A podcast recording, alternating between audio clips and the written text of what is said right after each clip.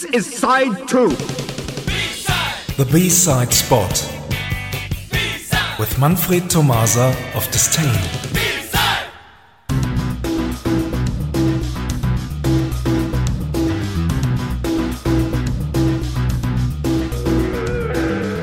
Good evening, everyone. Here is part two of our special called Depeche Mode and the 1990s. This time we concentrate on the band's controversial 1993 album, Songs of Faith and Devotion. The last Depeche Mode album with Alan Wilder that decided to quit one year later, leading rumors and media speculations that the bands would split. The sound of this album is more aggressive and dark rock oriented, mostly influenced by the emerging alternative rock and grunge scenes in the USA. The album became the first album to reach the top of the album charts both in the UK and the USA, and Depeche Mode embarked a 14 month long worldwide devotional tour to support the album, visiting 27 countries in 158 dates, the longest ever tour to that date. So many concerts? Yeah. So let's play some music. Here's one of my favorite songs taken from the long player. Here is Rush.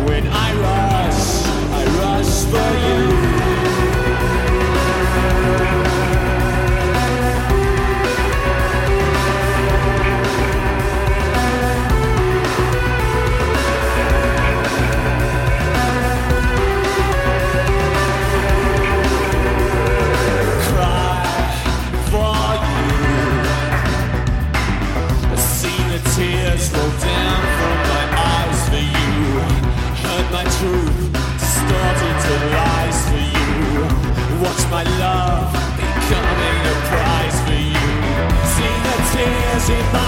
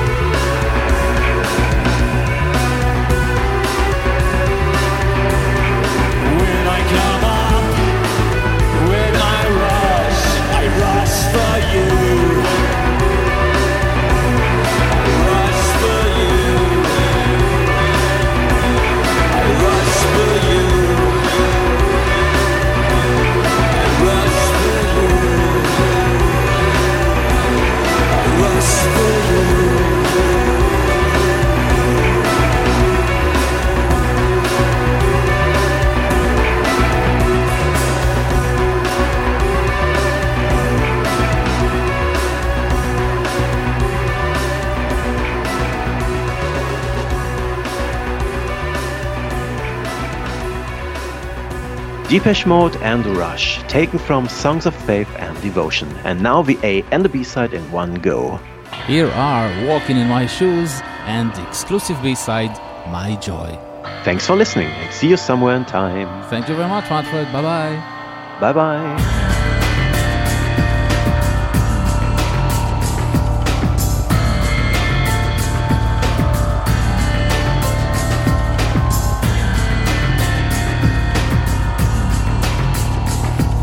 Tell you about the things that put me through, the pain I've been subjected to. But the Lord Himself forward blush. The countless feasts laid at my feet, forbidden fruits for me to eat. But I think your pulse would start to rush. Now I'm not looking for absolution forgiveness for the things I do. But before you come to any conclusion, try walking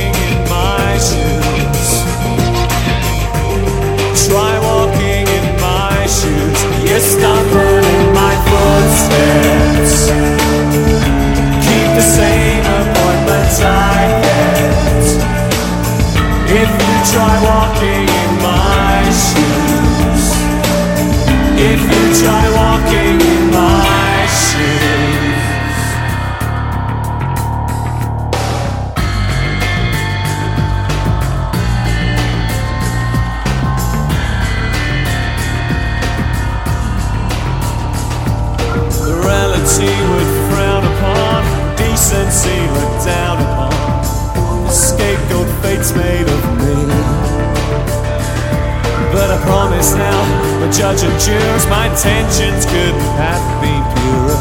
My case is easy to see. I'm not looking for a clearer conscience, peace of mind after what I've been through. And before we talk of any repentance, try walking